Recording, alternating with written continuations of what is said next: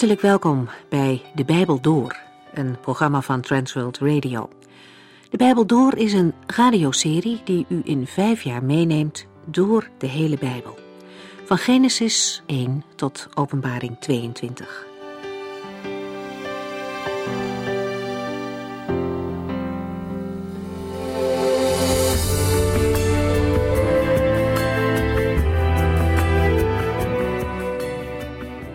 De tweede brief die Paulus aan de gemeente in Korinthe schrijft, begint over lijden en wat troost in lijden betekent.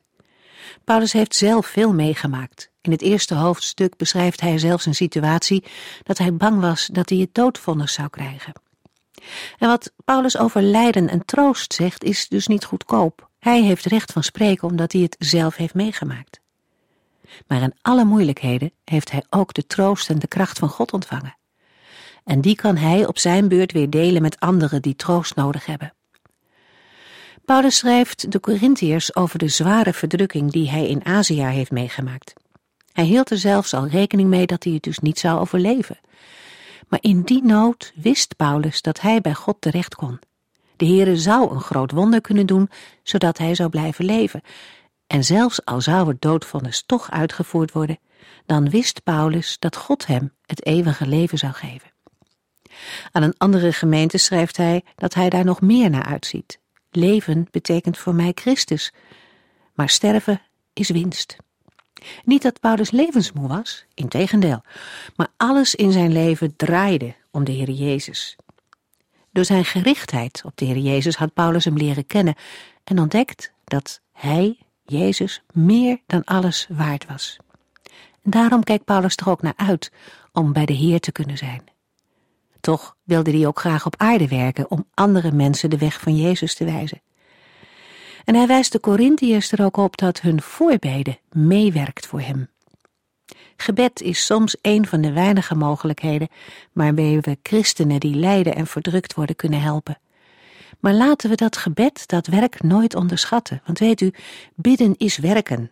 Of, zoals iemand zei, als we werken, dan werken wij. Maar als we bidden, dan werkt God. Vandaag lezen we verder vanaf 2 Korintiërs 1, vers 21.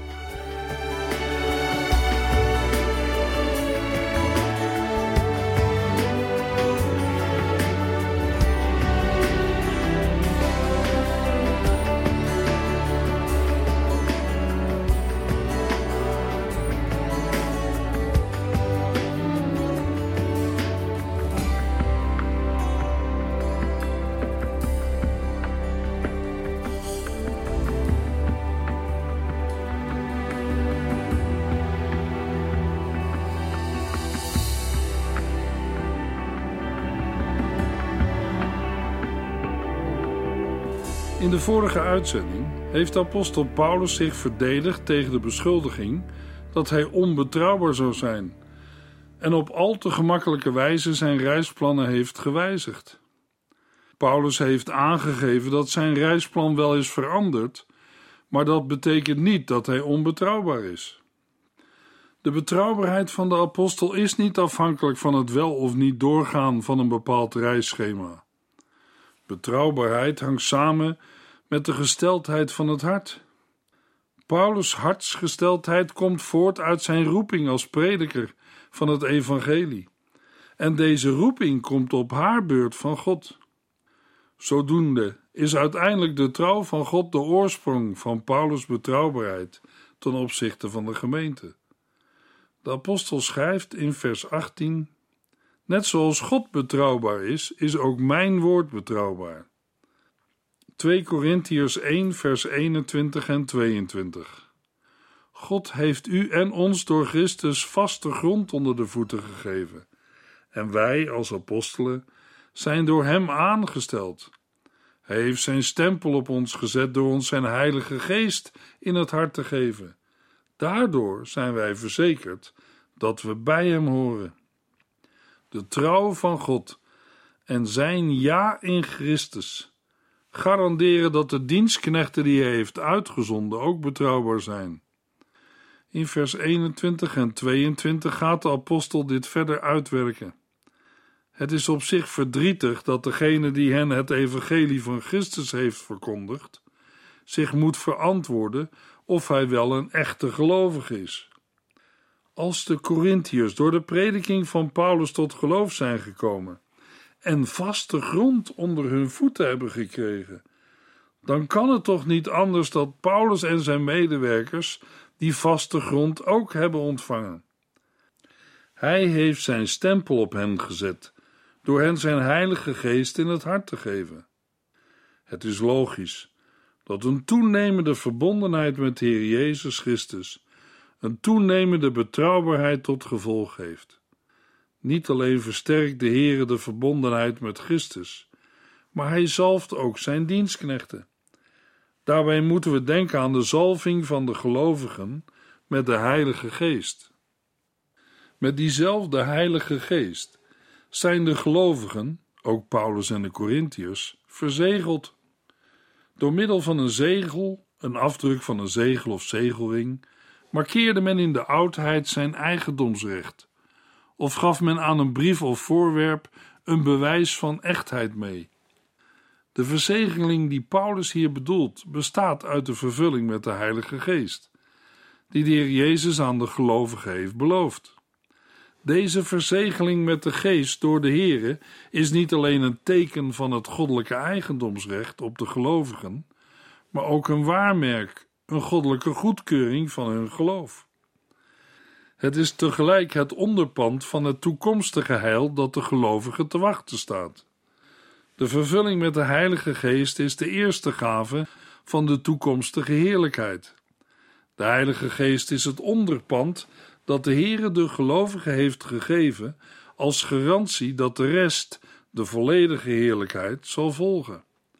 Het is opmerkelijk dat in het betoog van Paulus zowel God de Vader als Christus de Zoon als de Heilige Geest worden genoemd, als waarborgen voor de betrouwbaarheid van Paulus en zijn medewerkers. Daarbij speelt zeker mee dat Paulus drie getuigen opvoert om zijn oprechtheid en betrouwbaarheid te bewijzen. De apostel citeert Deuteronomium 19, vers 15. 2 Korintiërs 1, vers 23. Ik roep God op als mijn getuige dat ik de waarheid spreek. De reden dat ik niet naar Korinthe kwam, is dat ik u wilde sparen. De voorgaande verse diende om de betrouwbaarheid van de apostel en zijn medewerkers ten aanzien van de Corinthiërs te bevestigen en het verwijt van onbetrouwbaarheid teniet te doen. In vers 23 geeft Paulus de reden voor de verandering van zijn reisplan en het niet doorgaan van zijn extra bezoek. Hoe tegenstrijdig het ook klinkt voor de Corinthiërs, het was om hun eigen bestwil. Paulus wil hen ontzien. Paulus roept God op als zijn getuige. Het wil zeggen dat Paulus zich beroept op de Heer als getuige over zijn leven, dat hij oprecht is. Daarbij is duidelijk sprake van God als de hoogste autoriteit en rechter. De woorden van de apostel krijgen daarmee het karakter van een bezwering. De Heere mag Paulus het leven nemen als hij niet de waarheid spreekt. Paulus weet dat als hij naar Korinthe komt, hij moet optreden tegen hen die in zonde leven, tegen de rebellie en tegen allerlei misstanden. Dan mag en kan hij de Corinthiërs niet meer ontzien, maar moet hij orde op zaken stellen.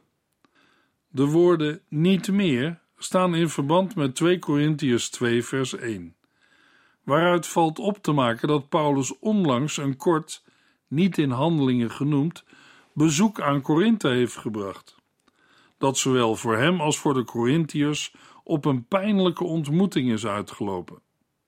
Aan het einde van de tweede Korinthebrief komen we dat weer op het spoor als de apostel in 2 Korintiërs 13 vers 10 schrijft: Dit schrijf ik allemaal in de hoop dat ik, als ik bij u kom, niet hard zal hoeven optreden. Want het gezag dat de Heere mij gegeven heeft, is om op te bouwen en niet om af te breken. In dat licht betekent het dat de apostel in feite zegt: Als ik gekomen was, had ik streng tegen jullie geweest. Maar ik wilde jullie dat besparen en zien of jullie dit zelf konden oplossen. 2 Korintiërs 1 vers 24 Niet dat ik iets over uw geloof te zeggen heb. Dat is sterk genoeg. Nee, ik wil met u meewerken aan uw blijdschap. Sommige Korintiërs zouden op dit moment de vraag kunnen stellen wat Paulus zich eigenlijk verbeeldt als hij zo over hen spreekt.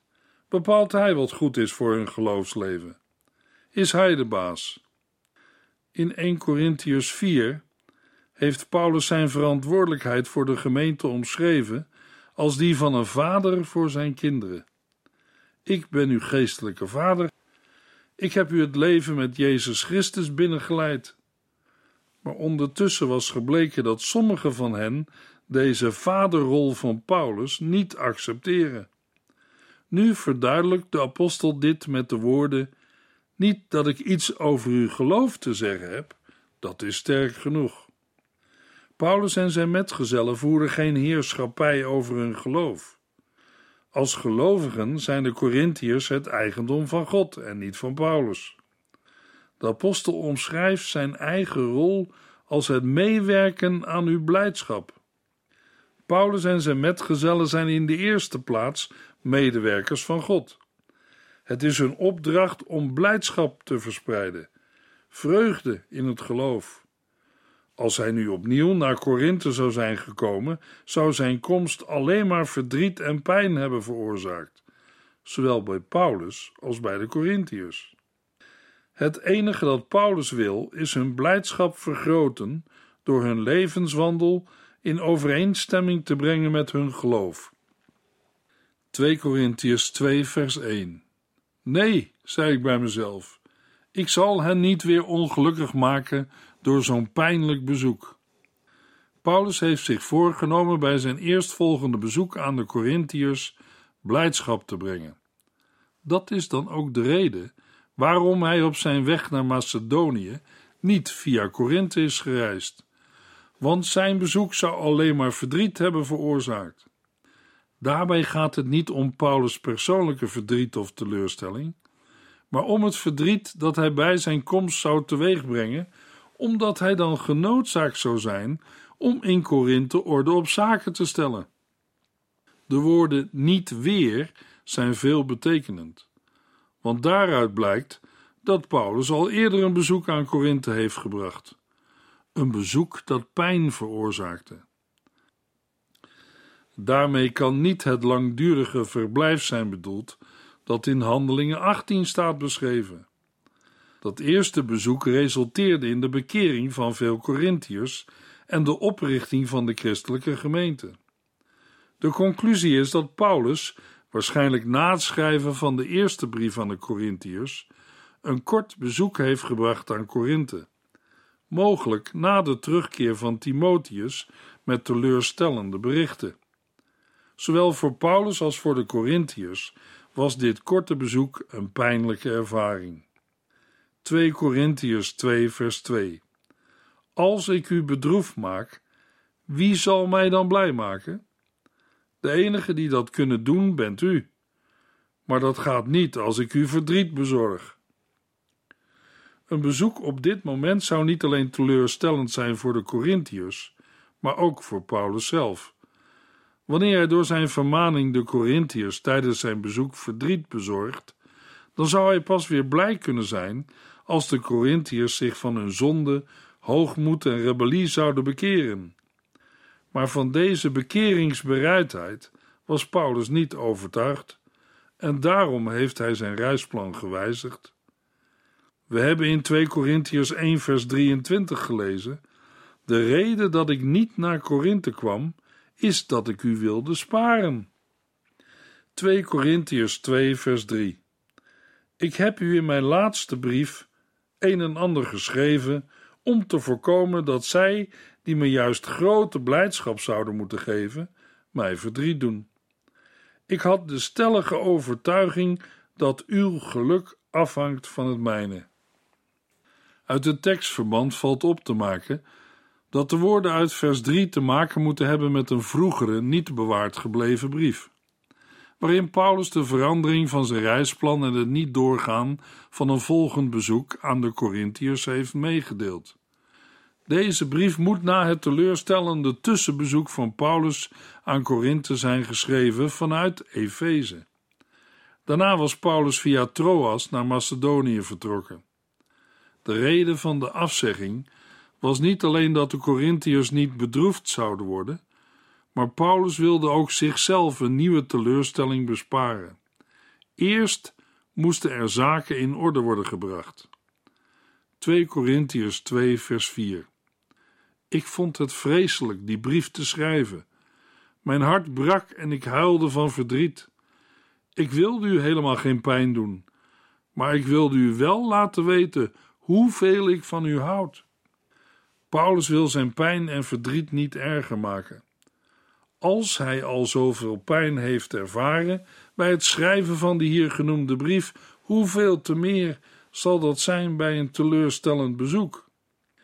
Paulus geeft aan dat zijn hart brak bij het schrijven van de brief. Hij huilde van verdriet. Deze innerlijk bewogen toestand treffen we niet aan in de verzen die we nu lezen en ook niet in de eerste Korinthebrief. Wel beschrijft Paulus dat hij op zijn reis van Efeze naar Macedonië onder grote geestelijke druk stond. De bewuste brief moet dan ook na het teleurstellende tussenbezoek nog vanuit Efeze zijn geschreven en is waarschijnlijk aan Titus meegegeven naar Korinthe. Paulus' verdriet heeft geduurd totdat Titus uit Korinthe terugkeerde en met goede berichten in Macedonië aankwam.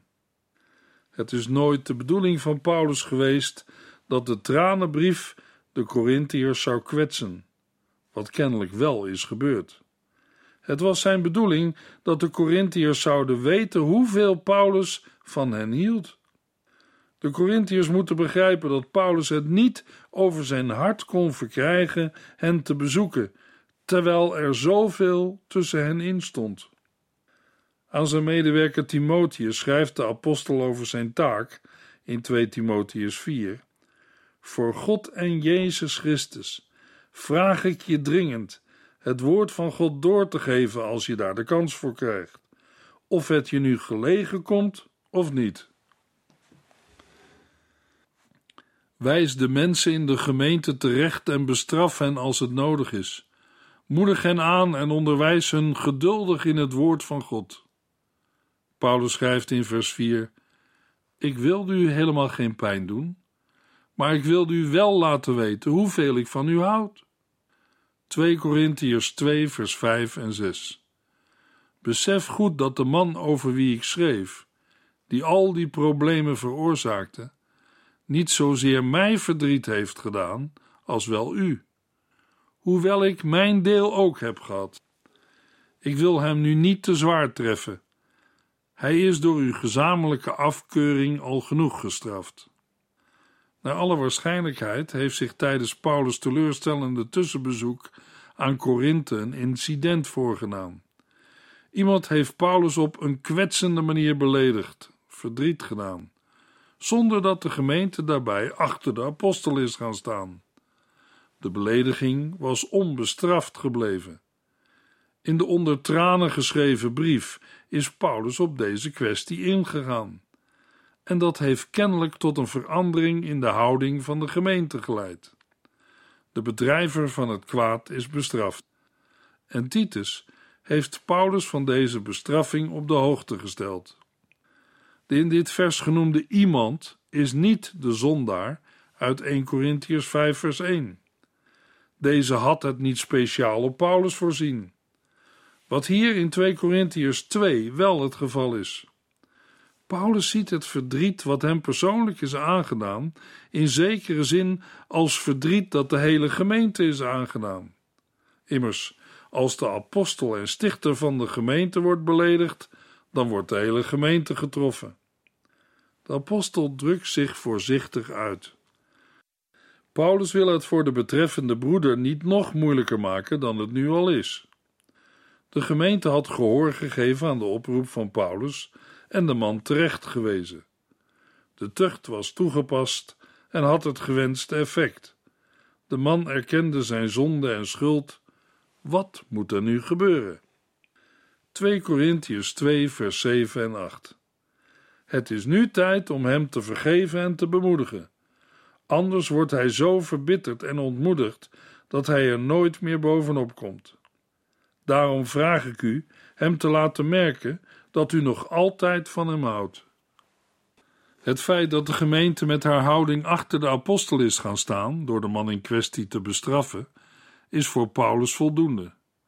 Nu blijkt duidelijk dat de apostel niet uit is op vergelding, integendeel. Hem gaat het lot van de man in kwestie ter harte. Daarom roept Paulus de gemeente op hem te vergeven en te bemoedigen, opdat hij er niet door verbittering en ontmoediging aan onderdoor gaat en er nooit meer bovenop komt. Omdat de gelezen verzen duidelijk maken dat er een basis voor vergeving is, kunnen we ervan uitgaan dat de man in kwestie berouw heeft getoond en zijn schuld heeft beleden. Het vergeven en bemoedigen is niet alleen een zaak van individuele gelovigen, maar van de hele gemeente. Daarom vraagt Paulus: laat hem merken dat u nog altijd van hem houdt. In Galaten 6, vers 1 schrijft Paulus: Broeders en zusters, als iemand op iets verkeerds wordt betrapt, moet u, als mensen die door de geest geleid worden, hem vriendelijk terechtwijzen. Vergeet niet dat u zelf ook in de verleiding kunt komen iets verkeerds te doen. Bijzonder als zo de gemeente gebouwd mag worden en de Heere mensen tot inkeer brengt. 2 Korintiërs 2 vers 9 tot en met 11 Ik heb die vorige brief ook geschreven om te zien hoe ver uw gehoorzaamheid aan mij zou gaan. En nu, wanneer u iemand vergeeft, doe ik het ook. Als ik iemand iets vergeef, vooropgesteld dat ik iets te vergeven heb, doe ik dat als vertegenwoordiger van Christus, ter wille van u. Anders zou Satan wel eens voordeel op ons kunnen behalen. Wij kennen zijn streken maar al te goed. De brief die Paulus onder tranen had geschreven, had niet alleen als doel de Corinthiërs van het niet doorgaan van zijn bezoek op de hoogte te stellen, of zich te beklagen over de belediging door een bepaalde broeder. De brief was ook bedoeld om de verhouding tussen de apostel en de gemeente weer op orde te brengen. Paulus wilde enerzijds, door middel van de brief, zijn liefde en zorg voor de gemeente tot uitdrukking brengen. Maar anderzijds wilde hij bereiken dat de Corinthiërs weer op één lijn met hem kwamen. De brief diende om te zien hoe ver uw gehoorzaamheid aan mij zou gaan. Wanneer de gemeente de man in kwestie vergeeft, dan heeft ze bij voorbaat de instemming van Paulus. Voor hem is de band van vertrouwen tussen hem en de gemeente van veel groter belang dan de belediging die hem is aangedaan. Paulus heeft de hem aangedane belediging niet zo hoog opgenomen. De vertrouwensband is Paulus veel meer waard dan dat wat is voorgevallen. Daarom heeft hij al lang vergeven en zal deze kwestie niet meer tussen hen instaan. De apostel zal nooit zijn eigen voordeel de voorkeur geven boven het heil van de gemeente of een individuele gelovige. Als zij zo staan op een naar menselijke maatstaven rechtvaardige vergelding van het hem aangedane leed, dan zou de Satan de kans krijgen verwijdering tussen Paulus en de gemeente te brengen. En mogelijk ook verbittering zaaien bij de betreffende broeder. En daarmee zou Satan voordeel behalen. De apostel is zich deze opzet van de Satan zeer goed bewust. Paulus kent zijn streken maar al te goed. 2 Korintiërs 2 vers 12 Toen ik de stad Troas bereikte, gaf de Heere mij een prachtige kans er het goede nieuws te brengen. Maar ik trof mijn broeder Titus daar niet aan en had geen rust. Ik vroeg me af waar hij kon zijn. Nadat Paulus duidelijk heeft gemaakt waarom hij van het afgesproken reisplan is afgeweken, vertelt hij nu hoe zijn reis ondertussen is verlopen. De reis die Paulus nu beschrijft, volgt een veel ouder reisschema dat we al aantroffen in 1 Corinthians 16, vers 5. De plaatsnaam Troas wordt ook in Handelingen 16 gebruikt voor de hoofdstad van het gelijknamige gebied. De eigenlijke naam van de stad was Alexandria Troas. Deze havenstad vormde het logische vertrekpunt voor de overtocht naar Macedonië. En Paulus heeft de stad dan ook meermalen in het voorbijgaan bezocht. Deze keer was Paulus niet alleen op doorreis, maar kwam hij er met het doel het evangelie te verkondigen. In tegenstelling tot vroegere keren, toen er geen gelegenheid was of de tijd niet rijp was om in deze noordwesthoek van Klein-Azië het evangelie te brengen. Toen had Paulus een prachtige kans om er het goede nieuws te brengen. De verkondiging in Troas is vruchtbaar. Als de apostel een klein jaar later Troas opnieuw aandoet, is er sprake van een christelijke gemeente. 2 Korintiërs 2 vers 13 Daarom nam ik snel weer afscheid en ging direct naar Macedonië om hem te bezoeken. De gelegenheid die Paulus in Troas geboden werd om het evangelie te verkondigen, zou normaal gesproken door de apostel ten volle zijn benut. Deze keer echter niet. Paulus had verwacht dat Titus, die door hem naar Korinthe was gestuurd, al via Macedonië zou zijn teruggekeerd en hem in Troas zou ontmoeten. Toen de komst van Titus op zich liet wachten, besloot Paulus hem tegemoet te reizen naar Macedonië. De reden waarom de apostel zo uitzag naar de ontmoeting met Titus lag in zijn bezorgdheid over de gemeente van Korinthe. Hij moest weten hoe de gemeente sinds het mislukte tussenbezoek en zijn laatste brief tegenover hem stond. Sinds dat bezoek had de apostel geen rust meer gehad.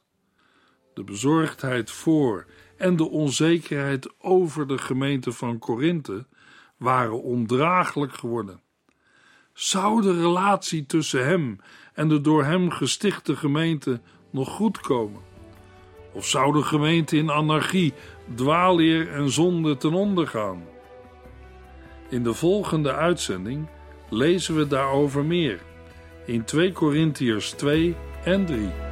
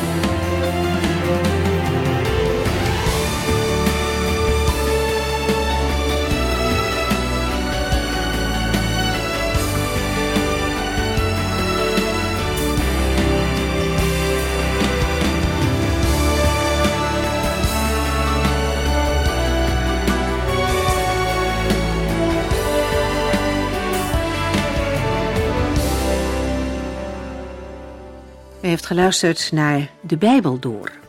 In het Nederlands vertaald en bewerkt door Transworld Radio. Een programma waarin we in vijf jaar tijd de hele Bijbel doorgaan. Als u wilt reageren op deze uitzending of u heeft vragen, dan kunt u contact met ons opnemen. Tijdens kantooruren kunt u bellen op 0342 47 8432. 0342 47 8432. 32. Ook kunt u een e-mail sturen naar de Bijbel door transworldradio.nl en natuurlijk kunt u ook via de post ons bereiken. TWR, postbus 371, postcode 3770, AJ in Barneveld. Dit programma werd gepresenteerd door Cor Weda en Ike André. Techniek was in handen van Odin van Woerdekom. En wij allemaal bedanken u voor het luisteren. Graag tot de volgende keer.